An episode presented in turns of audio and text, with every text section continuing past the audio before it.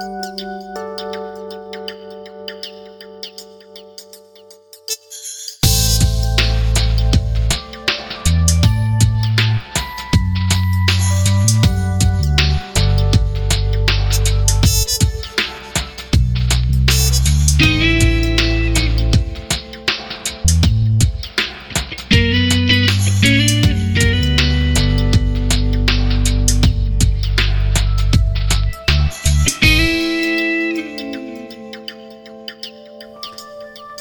varmt välkomna tillbaka till Bibeln Idags podcast. Och idag så har jag satt mig i Bibelsällskapets bibliotek. Eh, så det är många gamla böcker som ska dämpa ljudstudsarna här inne. Det är inte så mycket eko här inne.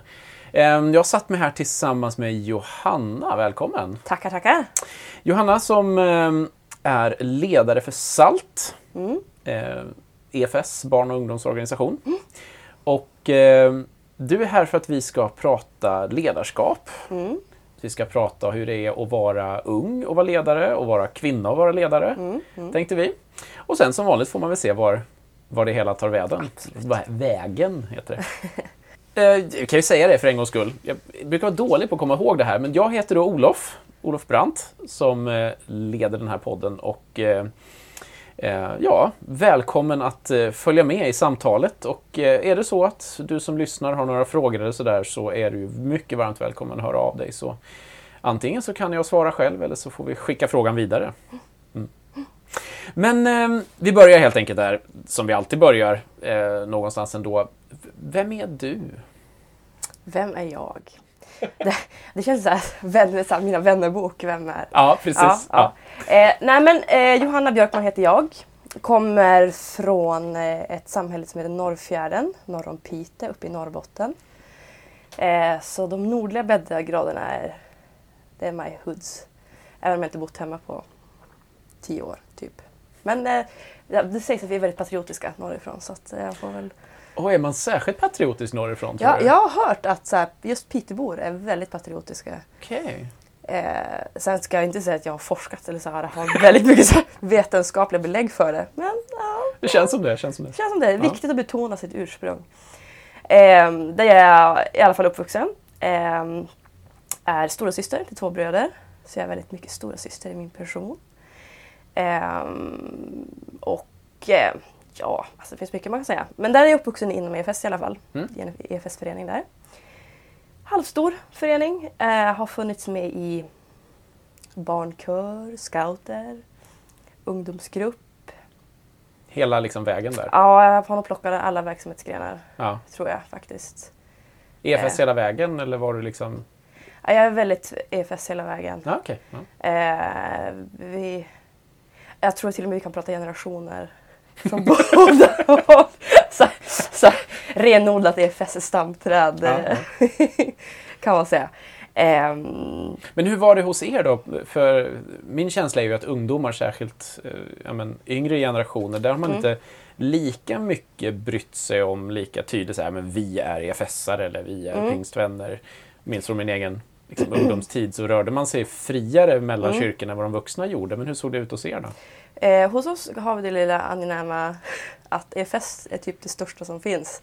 Det fanns typ tre eh, i samma ålder som oss som jag vet var pingstvänner men som att de bara var tre så hängde de i EFS. Ja, just det. Och så fanns det någon med frikyrkosammanhang. Som, men det var lite mer unga vuxna tror jag. Så det var typ EFS som fanns. Om man inte nu tog sig hela vägen till Skellefteå för där, fanns ju, där var ju pingst också stort. Så att, men, men det var ändå Alltså för, för den då som inte har sin geografi klar, hur långt är det mellan Piteå och Skellefteå? Ja men det är 10 mil Ja, det var ju liksom lätt värt att dra på ett ungdom, en ungdomsgudstjänst en kväll i Skellefteå. Om, om Välkommen det, till Norrland. Ja, lite så va, helt andra avstånd. Ja. eh, nej men så faktiskt så var inte det så stor fråga eh, just i Piteå för att det var EFS som hade Mm. eh, de stora ungdomsgrupperna. Då i alla fall. Eh, nu ska jag säga att jag inte riktigt vet hur det ser ut. Mm. Ehm, ja, så där har jag min uppväxt och bakgrund. Och sen gjorde jag liksom allt klassiskt. Man går klart grundskola och så går man klart gymnasiet.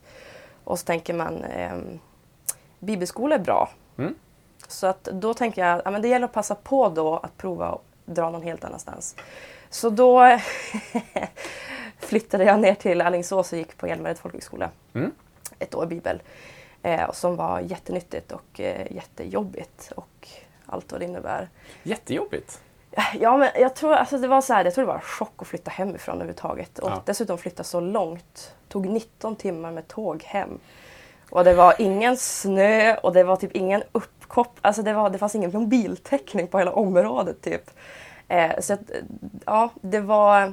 Samtidigt ska jag säga att det var ett nyttigt år. Mm. Både liksom rent eh, att mogna som, som person att med, och på jag menar, folkhögskolemiljö. Har ni inte haft chansen att gå på folkhögskola så gör det för att det är, man, man tvingas möta människor som är allt annat än likadana. Det är ett sjukt spännande socialt experiment. Vi bara slår ihop massa människor som går massa olika linjer och så ser vi vad som händer. Eh, Men det är nyttig social träning.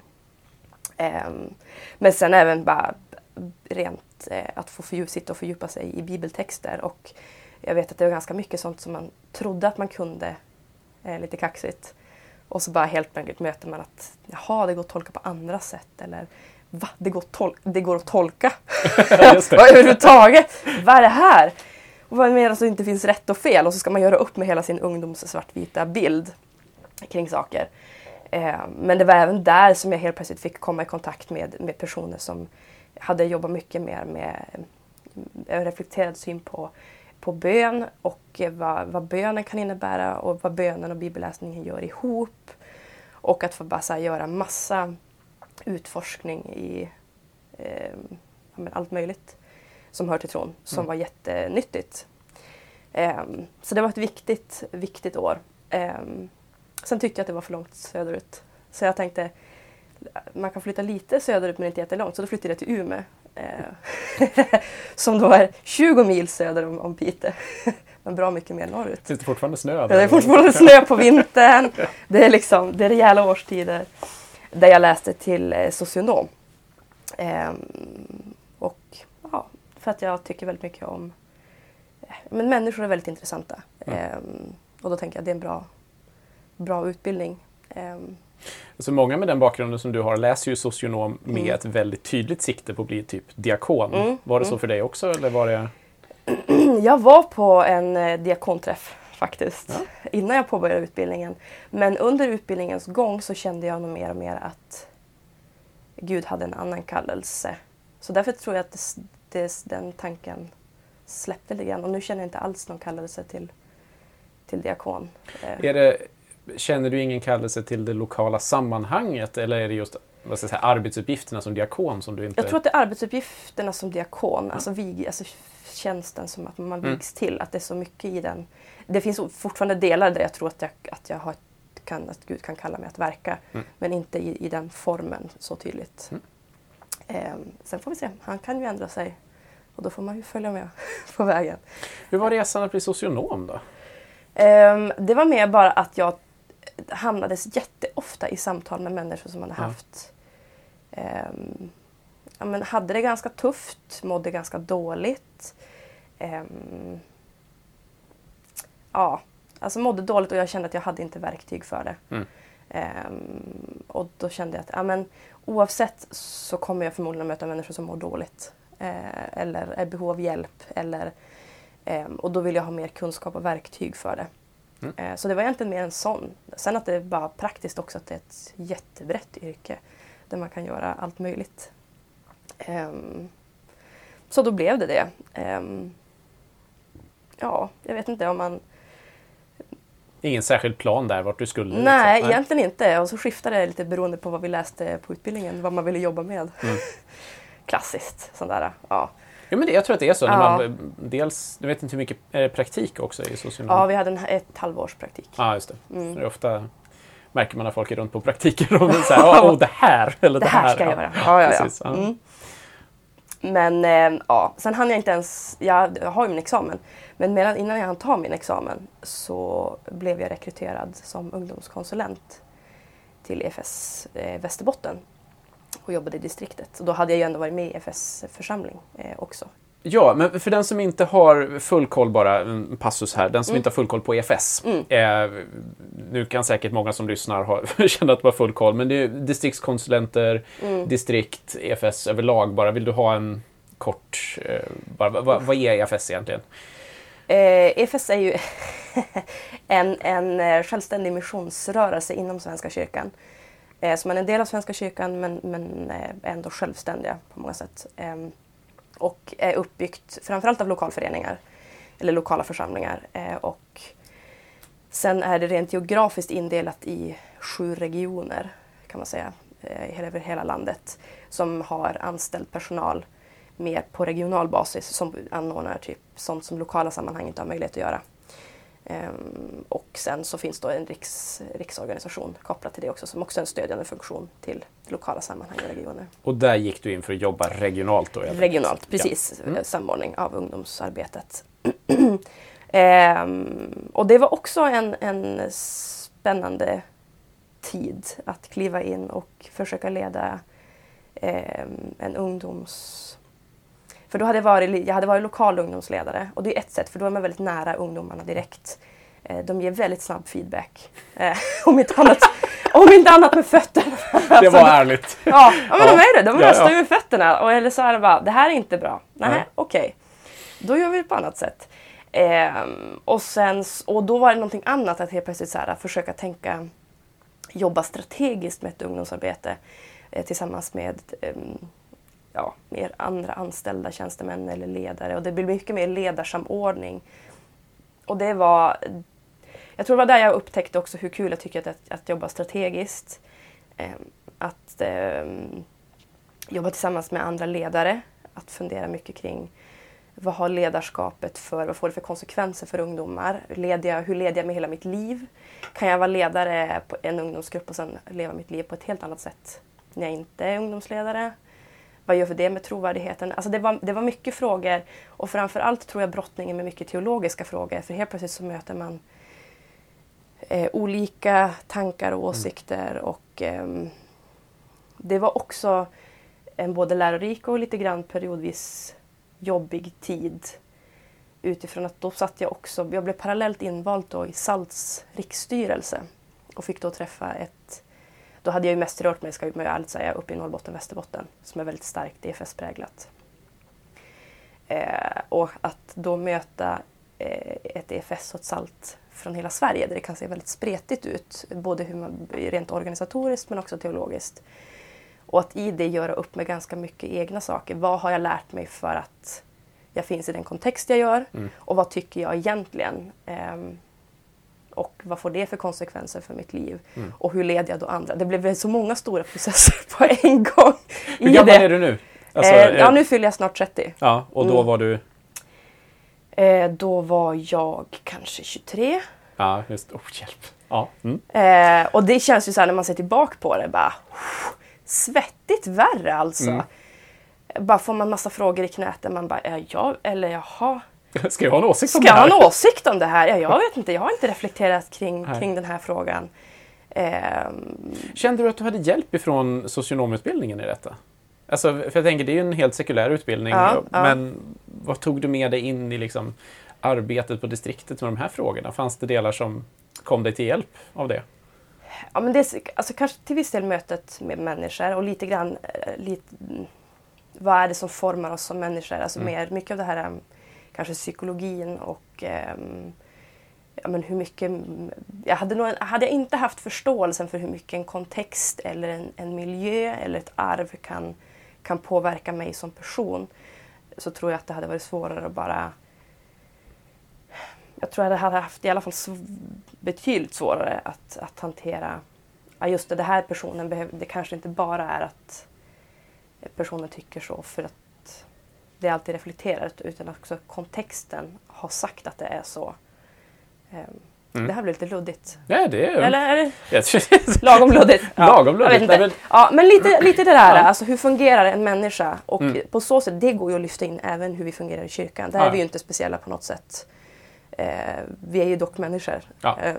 Eh. Sen har vi bara liksom andra begrepp vi använder eller ja, att det finns annat. Så det har jag nog haft nytta av. Mm. Och framförallt i mötet med ungdomar också. Vad är det som, okej, okay, de här åldrarna, vad är det som händer rent i hjärnan eller psykologiskt mm. under den här tiden? Um, var viktigt och det har jag fortfarande nytta av även om jag inte jobbar direkt med unga längre. Mm. Men även som distriktskonsulent, visst heter det så? Ja, Eller ungdoms... Vi är i skifte, men vi kan kalla det än så länge. Ja, det var, hette det då? Det hette då, ja. ja, ja. Mm, mm. så det blir rätt termer. Ja, eh, hade du alltså ändå ganska mycket kontakt med ungdomarna direkt? Eh, mm. För jag tänker annars när man kliver upp på regional nivå jämfört med lokal nivå så brukar det ofta vara en sån sak man saknar. Mm. Att den där direktkontakten, man får prata med ledarna men kanske inte så mycket vad ska jag säga, direkt med ungdomarna. Precis. Um, nej men jag hade ändå lyxen att fortfarande ha ganska mycket direktkontakt med mm. ungdomar. Uh, dels kan man säga lite förenklat att det finns inte jättemånga sammanhang som har stora ungdomsgrupper, eller hade ja. då. Mm. Vilket innebär att jag kunde fördela tid att vara ganska mycket på plats där och jobba nära de, de få lokala ungdomsledarna mm. som stöd.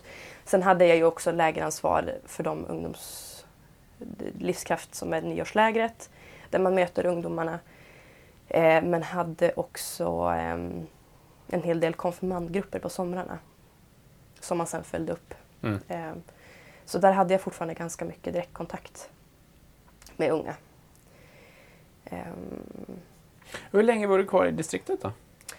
Eh, där var jag kvar till äh, du, ja, 2013. För då hade jag, eh, då hade jag min, min nuvarande man, pluggade här i Uppsala. Eh, och vi hade ändå sagt att ah, vi tänker att vi ska vara i Umeå för han är från Umeå. Mm. Eh, och så skulle han egentligen typ göra klart sina teologistudier och flytta hem. Förutom att då upphörde, för jag hade ett vikariat som vi trodde skulle bli en tills vidare. Mm. Men, men det blev inte så. Eh, och då hade då hade några på Rikskansliet på SALT ändå lobbat för att jag skulle flytta ner till Uppsala länge. Och jag bara, nej aldrig i livet, det är jättelångt söderut. Vet du hur långt? det tror jag inte. Men eh, det så har Gud en plan så är det ju svårt att sätta sig emot i slutändan. eh, så jag, jag flyttade faktiskt ner till Uppsala 2013 och började jobba på SALT. Mm. Riks då. Och jag tror jag hade någon, alltså jag hade, det är typ den längsta titeln jag haft. Jag var vikarierande barn-, ungdoms och musikkonsulent tror jag. Jag kanske slapp musikbiten. Det var en väldigt så här, ihopplockad tjänst i alla fall för att de verkligen ville ha ner mig så de plockade typ ihop de vicken de kunde, kunde få ihop. Um, så då hamnade jag här um, och jobbade då um, väldigt mycket med typ skatten som är vårt stora söndagsskolematerial. Eh, och en del med ungdomsfrågor och mycket kring mentorskap och medvandrarskap och sådär hade jag som bollar. Eh, och sen var Olof Edsinger som då var generalsekreterare skulle vara föräldraledig på deltid så då gick jag in som, som eh, typ biträdande generalsekreterare. Eh, och sen så, så slutade han och så sökte jag tjänsten som generalsekreterare. Var det självklart att du skulle söka? Det är en bra fråga. Jo men ganska. Alltså, det kändes inte så konstigt. Nej. Ändå. Du hade eh, förlikat dig med Uppsala? Och... Då hade jag förlikat mig med Uppsala. Vi trivdes väldigt bra. Vi hade hittat en försam församling vi trivdes väldigt bra i. Eh, över, överhuvudtaget har vi nog tyckt att, att eh, Uppsala har varit en vad ska man säga, en andligt bra kultur, så här, miljö att vara i. Om man kan Ja, nej, men så skulle vi nog säga. Att det, det är en lite annat andligt klimat som vi båda har mått bra av. Mm. Eh, sen är det ju en sån stad där många pluggar teologi och det finns det förutsättningarna för den typen av samtal som vi båda tror jag mm. har, har saknat en del i vår, vår, både, båda våra uppväxter. Eh, har vi fått del av här på ett sätt som, som vi uppskattar och också vill kunna ge till andra. Så mm. att, eh, och att vi har upplevt att Gud har kallat oss att vara här. Och då så vill vi gärna vara lydiga mot den kallelsen. Så tills han kallar oss någon annanstans så, så är vi här. Ehm, så det föll sig väldigt naturligt trots allt. Mm. Så nu är du alltså ledare för SALT? Mm. Generalsekreterare? Yes. Ja. Mm. Ehm, och eh, vad, vad innebär ditt uppdrag Alltså, vad gör man som ledare för SALT? För det är ju, har jag insett när jag pratar med kollegor som är ledare för organisationer att, att det kan vara väldigt olika vad man de facto gör Mm. i sin tjänst. Ehm, så, så vad, jag höll på att säga, vad gör du en vanlig dag? Men det är, Ja, det är en hopplös fråga. jättedålig fråga. Det, det går inte, det förstår jag direkt. Ha inga vanliga Nej, dagar. precis. Eh, nej, men det man kan säga är ju att jag har ett ansvar att eh, leda EFS barn och ungdomsarbete teologiskt och ideologiskt. Eh, att ha en, en riktning och en strategi för hur barn och unga eh, både ska få komma, alltså, eh, komma till tro och sen leva i sin tro och eh, ja, men, hitta ett lärjungaskap som håller för ett helt liv. Det är liksom den stora ramen skulle jag säga. Ehm, att jobba strategiskt tillsammans med kollegor ute i landet. Eh, hur har vi ett helhetstänk kring barn och ungdomsarbetet så att det inte bara blir schysst verksamhet de åren barnen är i, rullarna så att säga. Mm. Men sen är det typ inte vårt ansvar längre utan att försöka tänka hela livet. Men sen har jag även eh, allt typ personalansvar, eh, ekonomiansvar, Eh, Mycket samarbete med EFS, där jag sitter med i led- deras ledning också för att ge barn och ungdomsperspektiv på saker. Eh, Mycket ekumeniska kontakter tillsammans med de andra barn och ungdomsorganisationerna. Kristna barn och ungdomsorganisationer ska tilläggas, inte alla Nej, nej. barn och ungdomsorganisationer generellt i Sverige. Ehm, ja, men eh, ansvarar för hela vårt styrelsearbete och sådär. Ehm, Så mycket möten. mycket möten. Det kan man lätt säga. Ja, verkligen. Jag tänkte vi ska ta en parallell vad ska jag säga, historia här. Nu har vi fått ja, de här generella stegen, hur, hur du hamnade där du hamnade. Men om vi tar den, den parallella historien av eh, du, du hamnade ju ganska tidigt i ett ledarskap Mm. ändå. Mm. Kommer du ihåg liksom, dina första ledarroller? Eh, Mm. Ehm, jag tror att det kanske var en ganska klassisk sån om man tänker kyrkoledarroll där jag började tillhöra de äldre i ungdomsgruppen hemma.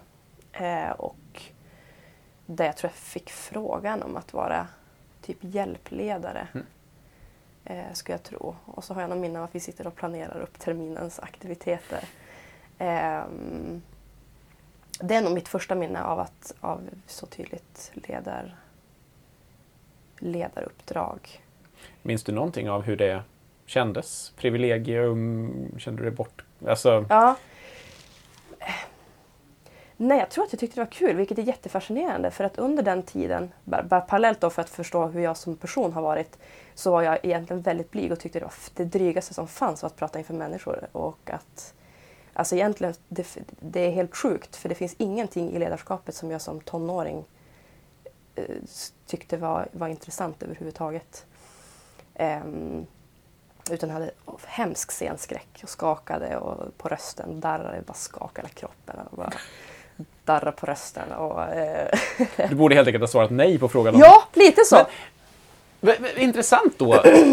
Alltså, rent spontant låter det då alltså som att när du får frågan om att vara hjälpledare så ser du alltså inte ledaren bara som den som står längst fram och talar, för då hade du Nej. väl antagligen sagt nej. Eller hur? Eh, det och i kombination med att jag hade ledare som såg egenskaper i mig som tänkte den här, det här måste gå att växa i. Ja. Och som, eh, inte vet, jag ska inte säga lurade in mig, men ändå någonstans hjälpte mig att ta steg så att, att det, det blev naturligt Mm. på något sätt. Eh, sen har jag väl också alltid haft en, jag har alltid varit väldigt ambitiös som person. Och att i det ligger till viss del kanske en dumdristighet att kasta sig in i saker som man egentligen inte riktigt har full koll på. Ja, Eh, mm. För att jag kan ju alltid lära mig något på vägen. Eh, och det kan ju vara bra kunskap om någon gång i framtiden. Det vet man ju inte.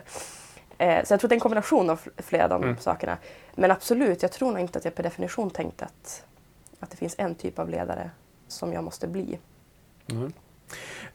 Men sen då när du går ut bibelskolan, Mm. eh, var du ledare i någon form även under bibelskoletiden? Eh, jo men det, så med facit i hand, ja det skulle jag säga. Hade jag, hade jag fått frågan då hade jag sagt nej men det tror jag inte, jag är bara en i gruppen. Ja, Eller, ja. Så. Men det var ändå så att det året att jag fanns med i massa planeringsgrupper, gick in i planeringsgrupper. Jag vet att jag och några kompisar på bibelskolan så här bara, nej men det finns ju massa icke-kristna på den här skolan. Då kör vi igång en alfa-lunchgrupp. Mm. Eh, och eh, och eh, ja, nej, men jag, skulle- jag skulle säga att jag nog absolut agerade ledare. Eh, men mer informellt. Inte liksom uttalade ledaruppdrag. Men absolut skulle jag säga idag att det var ledaregenskaper. Men längs de här tidiga åren då, Mm. vi drar oss upp till, till eh, folkhögskoletiden. Mm. Är det några ledare som du hade runt omkring dig som du än idag liksom kan tänka tillbaka på och se upp till och som gjorde olika saker som du som ledare idag har tagit efter tror du? Ja men det tror jag. Eh, sen tror jag att olika ledare kanske personifierar olika... Ja, jag letar inte efter den nej, nej, ultimata. den, den ultimata ledarförebilden. Nej. nej. men absolut, det, det, det tänker jag absolut att det är. Eh, sen har det blivit mer och mer ett ihopplock beroende på var jag är i min egen resa kring tron och mitt eget ledarskap. Mm. Men, men alltså både den, den eh, lojalitet och vad ska man säga, uthållighet som många av mina lokala ledare har haft. Där man alltså typ under 15 år är ungdomsledare en kväll i veckan. Det är Mm. för mig en extremt stor ledarinsats. Mm. Alltså det, fast man börjar ha egna små barn och, och det tror jag har ännu större respekt för nu när jag själv har små barn. Att bara så här, veta att man åkte iväg en kväll i veckan för att hänga med ungdomar. Alltså det är Mm. mycket logistik kring det Ja. för, den, för den andra som är hemma med, med de små barnen.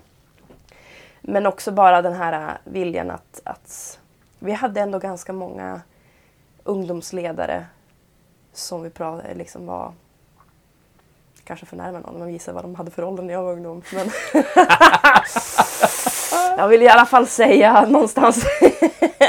Nej, visst hade vi några yngre, men, men vi hade ändå kanske tre, fyra stycken som var 50 plus. Mm. Som alltid, och en som var till och med tror jag, 60 plus. Som tyckte att det var så viktigt. Så han kom och var med oss. Och det har också gjort, satt sina spår, för de har ändå ehm, de kunde visa på en annan typ av livserfarenhet i tron. Mm. Alltså de hade en trygghet i sin, i sin bön eh, och i sitt sätt att, att vara med ungdomar som inte var det här eh, flaxiga, spexiga utan Mm. ehm, att stå stadigt. Alltså det finns inte, min tro vacklar inte för att du som ungdom ställer frågor. Ehm, och det, det har varit viktigt att kunna se tillbaka på dem. Att de, har varit, de var ändå väldigt tydliga med vars de, vad de trodde på och vad de stod för. Men var ändå otroligt hjärtliga i sitt sätt att möta Mm. eh, ungdomar som inte tyckte likadant. Och, ehm, den balansen vill jag gärna bära med mig själv Mm. i mitt ledarskap. Att det ena inte utesluter det andra. Om man tittar på... Det låter ju som berättelsen så här, så blir det ju kanske alltid när man förkortar det i och för sig, att det Mm. låter som ganska naturliga steg hela vägen. Mm. Eh, Det har säkert varit en del bön och, och funderingar längs vägen Mm. såklart. Men det, det låter som du har naturligt klivit in i ledarroller eh, ganska ofta på, på olika platser, även om du kanske i samtiden inte såg att det var någon Mm. given ledarroll. Så då. Men har du någon gång haft, alltså mött ett motstånd mot att vara ledare just för att du är ung?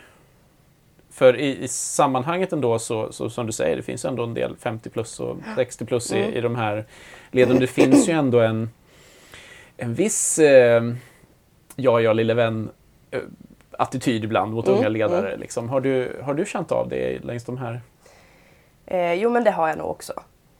När jag har tyckt saker. Eh, och framförallt skulle jag säga kanske... Nej, det är nog hela vägen.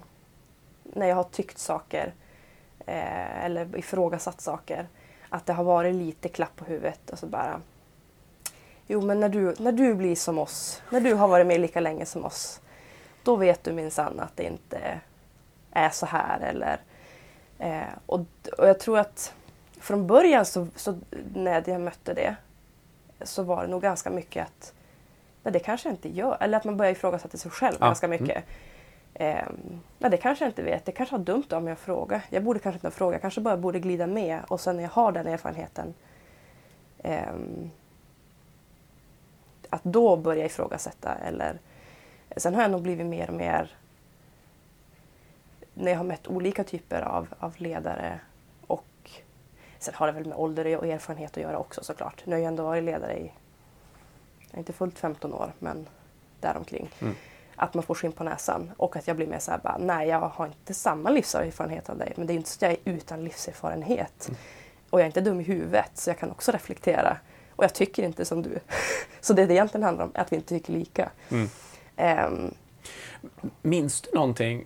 Alltså, om jag tänker tillbaka till din tidigare bana, för att man, jag tänker att man ofta ja, men både kan lämna ett, ett, en ledarskapsbana men också till och med lämna kyrkan för att man på något sätt hamnar i, man möter en, en, en värld som är bakåtsträvande eller trög eller Mm. alltså någonting sånt. Ja, men om man tittar på, vi kan ta tiden som distriktsföreståndare till exempel. Eller distriktsföreståndare var det inte, men ungdoms... men eh, ungdomskonsulent i alla fall. Oh, tack! De här titlarna alltså. Nej, jag vet. Ja. Eh, Jag höll på att göra det lite bättre där än vad det Ja. var kanske. Men eh, ungdomskonsulent. Alltså, under den tiden, var det så att eh, jag, antar att du mötte en del sånt, eh, alltså när man kommer och ska ha ett ungdomsperspektiv på saker och Mm. ting till, till församlingar och andra.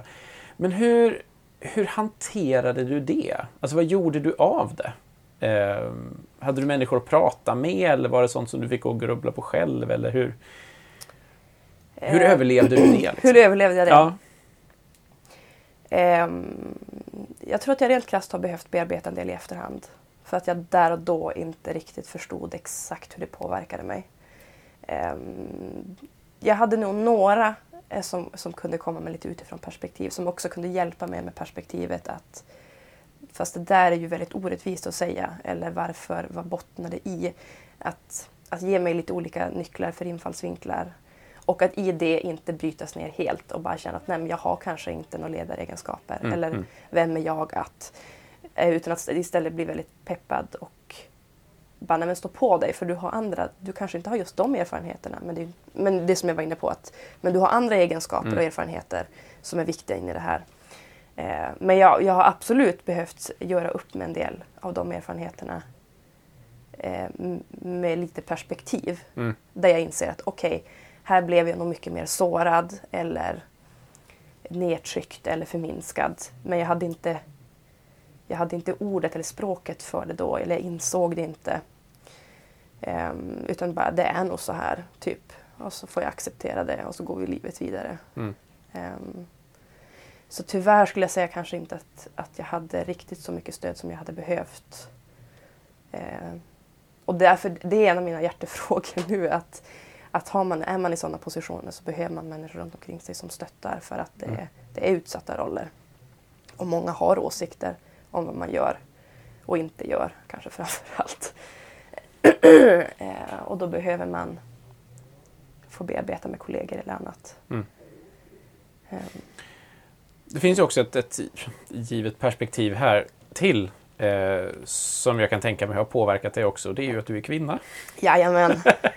eh, och eh, det är ju bara att titta på hur, hur eh, men framförallt jag jag slås av det ibland när man är i eh, det finns en dubbel här. Mm. Om man tittar på eh, ledarskap i organisationer så Mm. finns det väldigt mycket män. Mm. Både barn och eh, ungdom och vuxna. Eh, men jag var också med som eh, både deltagare och talare på barnledarkonferenserna som var nu i mars här. Och då slog det mig också att när man åker på en konferens eller barnledardag eh, där fokus är att vi ska utrusta de som har hand om barn och unga, eh, men framförallt fokus då på barn, så är det nästan bara kvinnor Mm. närvarande. Ehm, vi kan börja där. Vad, för det första, hur ser du på den situationen att, att om man tittar ledarskap så är det färre kvinnor, men om man tittar på, på ja, men det lokala sammanhanget kanske, eh, le, barnledare så, Mm. då, då är det nästan uteslutande kvinnor. Mm. Va, vad är dina tankar där? Ehm, jag tycker det är jätteintressant för många av de här kvinnorna jobbar ju ibland också som chefer i, Ja. sin, i sina yrkesroller men gör det inte i kyrkan. Eh, dels finns det ju absolut de sammanhangen som av teologiska skäl tänker att, att kvinnor har, har hand om barn eller un, undervisning för barn. Nu är jag själv inte från ett sådant sammanhang. Eh, så för mig handlar det mer om att jag har försökt se vad är, i, vad är i strukturen. Och då har jag, alltså så här, när jag har pratat med kvinnor så är det lätt så här, ja men jag har erfarenhet av barn. Ehm, och sen vet jag inte om jag har så mycket att bidra med. Då, vet då blir det mycket mer av det här inte ska väl jag, lite jantelagskänslan. Mm. Nej men ehm, jag vill inte ta plats eller jag, jag har ingenting att bidra med eller jag kan inte hålla undervisning eller jag är inte så spexig eller på tal om väldigt spännande egenskaper som man läser in i att man ska vara. Men, men absolut.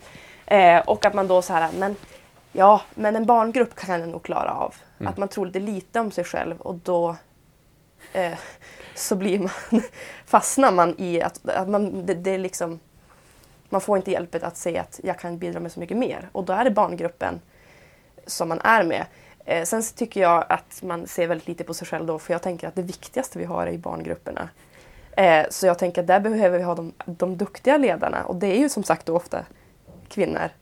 Eh, så att, eh, det, det, det, bara det uttalandet fascinerar mig så mycket för jag minns alltså när jag började i, jag var ungdomsledare i fem år eh, och när jag började så sa jag att jag, jag vill inte jobba med någon under 14. Mm. Alltså konfirmander och uppåt kan jag tänka mig. Ja. För de under 14, det, det, det är för svårt. Mm. Alltså jag såg det som, jag kan inte. Nej. Dels erfarenhetsmässigt. Ja. Eh, men också, eh, och att just tala om barnarbete som det lätta. Har, jag, har, har för mig alltid varit väldigt, väldigt märkligt. Men, men det är precis så ja. som, du, som du mm. säger, det är så det uppfattas. Mm. Och det är klart, en del är såklart erfarenhet. Ja, men man kanske har då haft egna barn. Ja, eller man, alltså, visst, okej, okay, fine. Eh, men ja, det finns någonting annat där också. Ja. Ja, jag tycker det är superspännande ja. att man hamnar i det. Och då blir det någonstans att så här, ja, men då, är det, då är det de som så här, lite, som jag var inne på också, typ kastar sig in i roller som man egentligen kanske inte eh, tänker att det här vet jag inte om jag kan, men jag gör det väl. Och mm. då, då är min erfarenhet att män eller killar är bättre på att lite grann kastas ut på djupvatten och tänka att ja, jag kan det inte, men det, det visar sig väl, eller jag får väl göra så mm. gott jag kan. Och att kvinnor tenderar att, eller tjejer, bara ha mer, ja, jag kan inte, då kan jag inte gå in i det. För jag kan inte, alltså, man har inte perspektivet, jag får väl växa på resans mm. gång.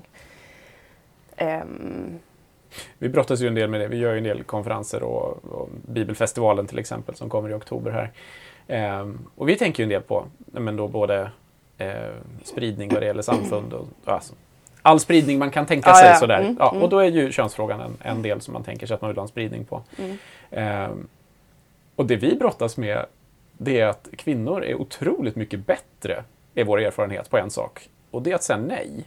Mm. Ja, ja. Alltså, vi är fantastiskt duktiga på det. Så, nej, men, nej, men om jag tittar på min livssituation så kan jag inte just nu. Medan männen säger ja innan de ens har funderat på vad det är de ska göra. Mm. Eh, det kan man ju fundera på vad det betyder. Men eh, det är en, en, faktisk erfarenhet av, av just det arbetet. Ja. Men du själv då som kvinna, mm. eh, om vi liksom zoomar in på dig igen. Ja, vad, ja.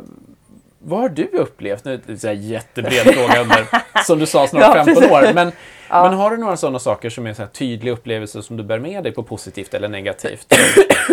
ja, men om jag bjuder in dig på en kvinnofrukost och, och, och, och nu ska du prata om hur det är att vara kvinnlig ledare. Vad skulle mm. du lyfta för, för saker ur din historia? Liksom? Mm.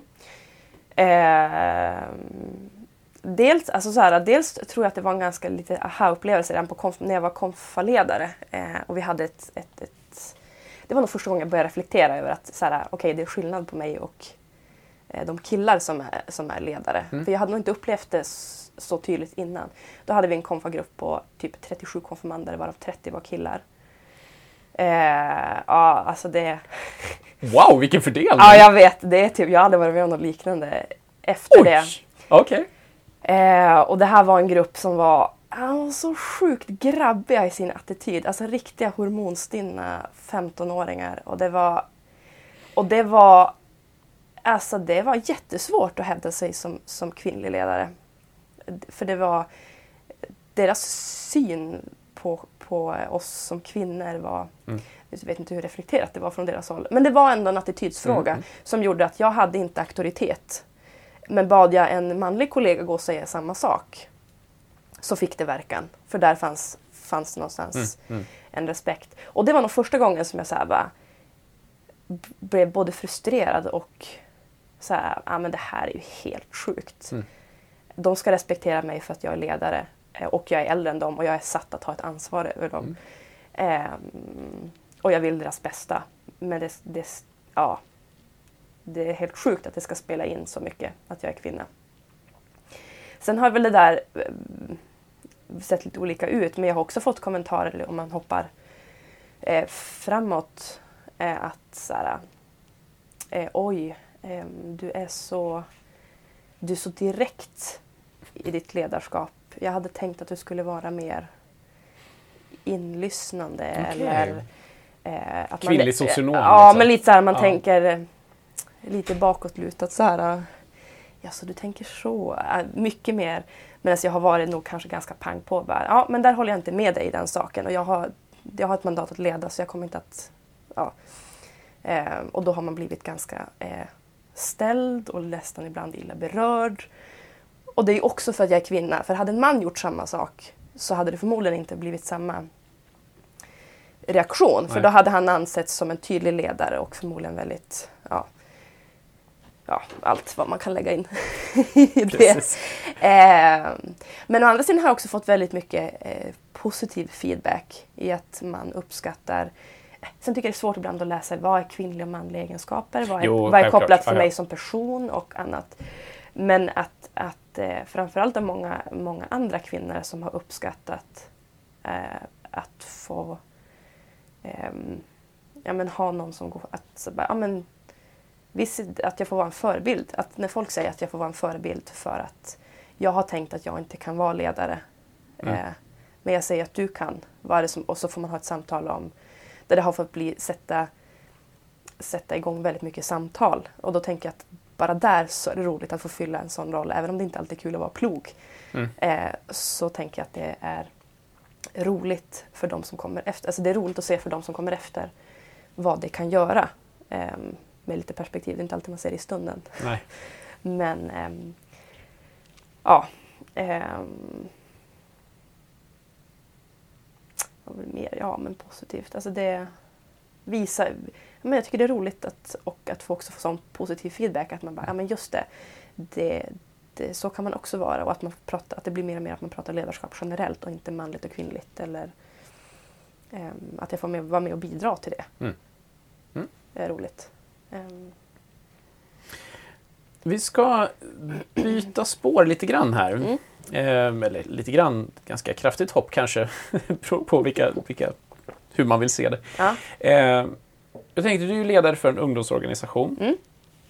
Och eh, du har varit där ett tag nu, eh, även som ungdom från början. Så, att säga, så du, har liksom, Jajamän, eh, du har ändå varit med här nu en stund, så nu ska du få använda din erfarenhet. Nej, men eh, det jag tänker på är, vad, vad ser ni som organisation och ja, du som person också, men för nu blir det såklart utifrån ditt sammanhang, även om frågan ställs ganska brett här. Mm, Men du, vi vet att du tolkar det från ditt sammanhang. Ja. Eh, vad ser du för tendenser, vad ser du för frågor eh, bland ungdomar idag som, som ni tycker är viktiga att arbeta med? Alltså vad är det som Mm. ni vill jobba med som SALT just nu, 2018? Ja, ja. Eh, vad är era liksom, prioriteringsområden? Eh, vi håller just nu på att lägga om våra prioriteringsområden. Just utifrån att vi har gjort en sån analys. Att vi har jobbat, om man bara gör kort tillbakablick, tillbakablick så har vi jobbat väldigt, och det här tror jag är ganska klassiskt, eh, åldersindelat. Vad har vi för barnen? Vad har vi för ungdomarna? Eller, och nu senast också då, vad har vi för tweens? Vad har vi för unga vuxna? Och så stirrar man sig ganska blind på målgrupper. Eh, eh, och ju mer vi ser bakåt och framförallt så ser vi ett minskande antal ungdomsgrupper. Vi ser färre ungdomar. Det är mycket mer... Vi ser att eh, vad ska man säga, eh, typen av ungdomsgrupper har ändrats. Eller vad det, är, vad det är för karaktär på ungdomsgrupperna. Det är mycket mer typ kom och häng, vi spelar spel, vi käkar pizza. Ehm, ja, alltså väldigt mycket lösare Mm. former. Eh, och att det blir mycket så att tänka, men vad, vad får det för konsekvenser på sikt? Mm. Och då har vi bara, nej men okej. Eh, för vi kan också se, eh, jag, är ändå, jag, har, och jag var också i en sån ungdomsgrupp där det har varit väldigt mycket fokus på ja, men gemenskap, roliga aktiviteter. Ehm, och det har också varit, sett ganska mycket, vi var en ganska stor ungdomsgrupp på kanske 30 personer. Ehm, och även om man nu aldrig vet vars människors tro tar vägen så är det väldigt få av dem som finns med i en kyrklig kontext idag. Och jag tänker att det, det är ganska många som vittnar om samma, samma erfarenheter. Eh, och då blir frågan hos oss, vad är det vi behöver göra för att människor inte ska tappa sin tro efter den här äh, trestegsraketen eller vad vi ska kalla Ja, mm. stegen. Ja, men, och då tror vi att det vi behöver göra eh, istället för att tänka målgrupper, det är att tänka verktyg. Vad behöver vi ge barn för verktyg för att där de är rusta sig tro? Vad behöver vi ge ung, unga, eh, ungdomar? Eh, och det kan ju vara allt från mm, hur, läs, hur läser jag en bibel?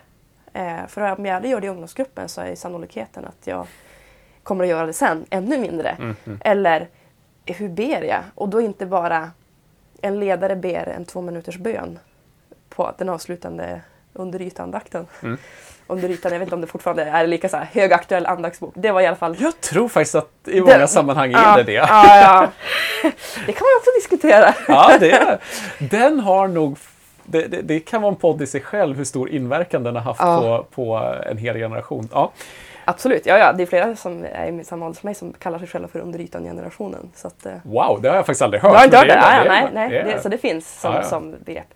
Ehm, Men då är det också så här, bara, har jag aldrig fått prova be eller att någon så här, hjälper mig att upptäcka vad bön är? Mm. Eller vad är det att så här, bara, typ, ja men som för mig, att det var först när jag hamnade på folkhögskola som någon också sa, visst, alltså det här med att lyssna i bön. Var, Mm. Vadå lyssna? Jag knäpper mina händer och då har- har jag kopplat upp mig och då hör Gud vad jag säger. Och så när jag har sagt mitt så ja, då, då har jag satt check på den. Eh, men att sen då få upptäcka att Gud också talar eller vill verka i våra liv gör ju att för mig blir det så här, wow, då är ju helt plötsligt en, ger ju en mer smak. På samma sätt som om man får, får verktyg för att läsa Bibeln. Inte bara en bok med massa svårt språk som jag ska traggla mig igenom, för det borde man göra, för det ska man göra som en god kristen, utan att det faktiskt den säger någonting och vi tror att den talar in i mitt liv. Mm. Eh, och den har en auktoritet i mitt liv. Okej, vad får det för konsekvenser? Så att mycket mer att, att hjälpa ledare, för det första, att få ett självförtroende i det. För det ser vi framförallt att man inte har. Mm. Eh, men för att på sikt också sätta verktyg i händerna på, på människor, både barn och unga. Eh, så att när de väl inte längre skyddas av den här trygga gemenskapen Mm. eh, inte heller stå handfallna utan fortfarande kan nära sin, sin tro. Eh, sen tror jag alltid att vi behöver undervisa om vikten av att tillhöra en församling. Mm. Eh, och det är väl den stora utmaningen när, eh, nu när man går runt utifrån mer vad, vad känner jag? Eller, man är ju mycket mer konsumenttänk. Men vad gör ni då rent konkret? Alltså vad, Mm. Om man nu tycker det här låter väldigt spännande och viktiga tankar som man vill jobba med i sitt sammanhang. Hur, är det här sånt som ni redan har börjat att lansera saker för att Mm. hjälpa till med det här eller hur ser det ut? Mm. Ehm, jag skulle säga att vi är ganska mycket i startgroparna av det. Vissa saker finns ju redan i det. Det är bara att vi behöver eh, kanske städa upp vissa saker. Ehm, I gammalt material. Mm. Alltså som att vi har ett material om, om medvandrarskap. Att vikten att ha en äldre person som inte nödvändigtvis behöver vara mamma eller pappa. Men som jag kan, eh, kan prata tro med. Mm. Eh, som vi tror är jätteviktigt. Att det händer någonting när vi pratar tro med varandra. Ehm, och få ett språk för det. Det handlar mer bara om att det är något år gammalt men det behöver vi lite grann damma av. Mm. Och ehm, påminna människor om att det finns. Men vi har precis lanserat en, en eh, resursbank som heter Salt Plus. Som handlar om mycket, ja, men både ledarträning men också lärjungaskap. Ehm, för alla de som känner att ja, men jag kan inte undervisa, då är det, korta, då är det filmklipp, eller filmundervis, filmad undervisning. Och sen så finns det bibeltexter och frågor som man kan jobba med i, i gruppen. om man tänker på ungdomssidan. Um, sen har vi ju skatten till exempel som har, redan har ganska mycket tänk kring barn och teologi kring barnets tro och um, hur man som ledare behöver jobba igenom sina, sina egna föreställningar kring barn och annat som redan är väldigt bra. Så det handlar ju bara om att hjälpa människor att upptäcka det. Och jag ty- det där är ju en sån... Jag känner kanske inte alla till skatten eller tror, eh, tror för lite om det så att säga. En, del Mm. vet jag tror ju att skatten bara är vad gör jag på söndag på söndagsskolan. Absolut. Men eh, som du säger, det som vi verkligen vill, eh, vi i Bibeln idag är lite sådär på ett hörn inblandade. Ja. eh, nej men just det här allt kringmaterial som finns för ledaren är Mm. verkligen någonting som jag vill rekommendera. ä- Även vare sig man aldrig har tittat på skatten och bara behöver få upp ögonen för det eller Mm. om man använder skatten, att våga titta på och använda det ledarmaterial som finns är verkligen någonting Mm. som jag tror är väldigt nyttigt. Ja, ja, och flera vittnar ju om att man har fått en förändrad syn på barnen. Mm. Oh ja. Att det inte handlar om barnpassning utan verkligen... det, här är, det här är också individer som bär på en tro som jag kan lära mig någonting av också som vuxen. Eh, Jag undrar om det där... Jag känner själv, nu, nu, nu, nu drar jag en sån där härlig generalisering, men jag känner själv när jag jobbar med, med skatten eh, att det gör det mycket lättare för mig som man då. Ja, här, ja men här finns det verkligen en tanke bakom. Det är inte bara barnpassning. Barnpassning är jag usel på. ja. Jag kan inte tycka om mina egna barn, men, men andras barn. Mm. Däremot om det på något sätt blir en del av den här större planen, Ja. då har jag mycket lättare att närma mig det. Ja, det är ja. intressant. Jätteintressant. Ehm, och det kanske, det kanske säger mer om mig än om män i allmänhet, men eventuellt. Nej, ja, hoppas det inte skrämmer bort kvinnor bara. Vi ska ta och gå in för landning här. Mm. Ehm, så jag har eh, två frågor kvar till dig. Mm. Den första är, är det någonting som du känner att du skulle vilja lägga till eller berätta om som du inte har fått berätta utifrån det vi har pratat om? Eh, som du känner liksom ligger där långt fram på tungan. Jag måste ju få berätta om det här också. Nej, jag tror inte det. Nej. Nej. Nej, Får komplettera i så sen. fall kom precis. Jag kompletterar i efterhand. Skicka in en. Skicka här bilaga, läs bilagan som finns till poddavsnittet. Ja. Eh, var, eh, nu blev det en fråga till bara för det. Ja. Eh, ah, eh, var eh, hittar man dig?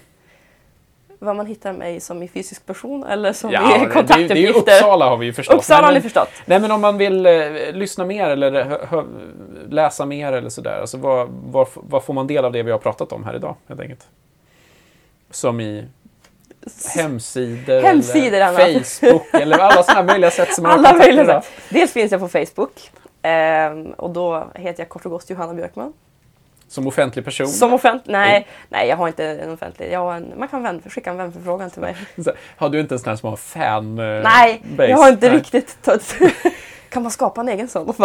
Det kanske man kan, det har jag Ja. aldrig provat. Det känns ju så här, det är kanske det. Om jag skapar den åt dig och du är något Ja, annat. precis. Så kan vi, så kan vi bjuda in varandra. Så. Ja, precis. Så är vi tre. Ja, eh, mm. Eh, nej men annars så, fin- så har vi en hemsida som, heter, som är salt.efs.nu. Mm. Där det finns mer. Eh, och där finns också alla mina kontaktuppgifter om man, är någonting man är nyfiken på eller vill höra mer om eller inte alls hålla med mig om så får man också höra av sig så kan man eh, samtala om det också. Ehm, ja. Eller vi bjuder in dig på kvinnofrukost. Eller bjuda in mig på kvinnofrukost till Ja, exempel. Den sista Mm. är, nu är det ju tyvärr så att jag har då ingen fråga från en eh, tidigare eh, deltagare Mm. eh, i podden. För att ja, det blir alltid så här med schemaläggningen när, när det gäller. Men du ska få ställa en fråga. Mm. Eh, framför dig har du ett utav de första upppackade exemplaren utav en bok som släpps först imorgon. När vi spelar in det här. Mm. Eh, och kanske släpps samma dag som vi släpper det här. Mm. Eh, och det är Anna Enbergs bok En guide till apostlagärningarna. Mm. Nästa bok i serien Bibelguiden. Och eh, Anna är då, ja, hon är pastor, men hon är, eh, har också studerat arkeologi. Och har då fått uppdraget att, att skriva om apostlagärningarna. Så det är en av de tjockare böckerna i Bibelguide-serien. Mm. Eh, men de får inte gå över 200 sidor, så jag tror inte hon har gjort det. eh, så en ny guide för, för eh, bibelgrupper eller för enskilda individer. Och jag tänkte du skulle få skicka en fråga vidare till Anna. Mm. Vad skulle du vilja veta? Varför valde du den här omslagsbilden? Ja, lite så. Det är väldigt spännande. Ja. Det är cliffhanger när man, när man som lyssnar inte ser boken. Nej, precis. Nu måste ni köpa den. Ehm, nej men har hon någon eh, sån eh, avgörande tillfälle där hon har för jag ser att hon, hon är ju också ledare Mm. i det här. Eh, där hon har fått brottas med att vara kvinnoledare. Eh, det är intressant eftersom att hon också är kvinna. Så den frågan skickar jag med. Vad bra. Vi får se vad hon har för, för någonting att dela. Ja, verkligen. Och eh, vi har ju ett par poddar på i eh, ja, Pipeline, som det heter på modern svenska. Eh, hur översätter man det? Ja, jag vet inte, jag har faktiskt tänkt samma sak. Jag säger också pipeline. I fram... I röret? Nej, det går inte. Nej. Ja, eh, vi ska ha en eh, podd med eh, John Dyer, som vi har pratat om, med, med eh, det här med teologi och det digitala.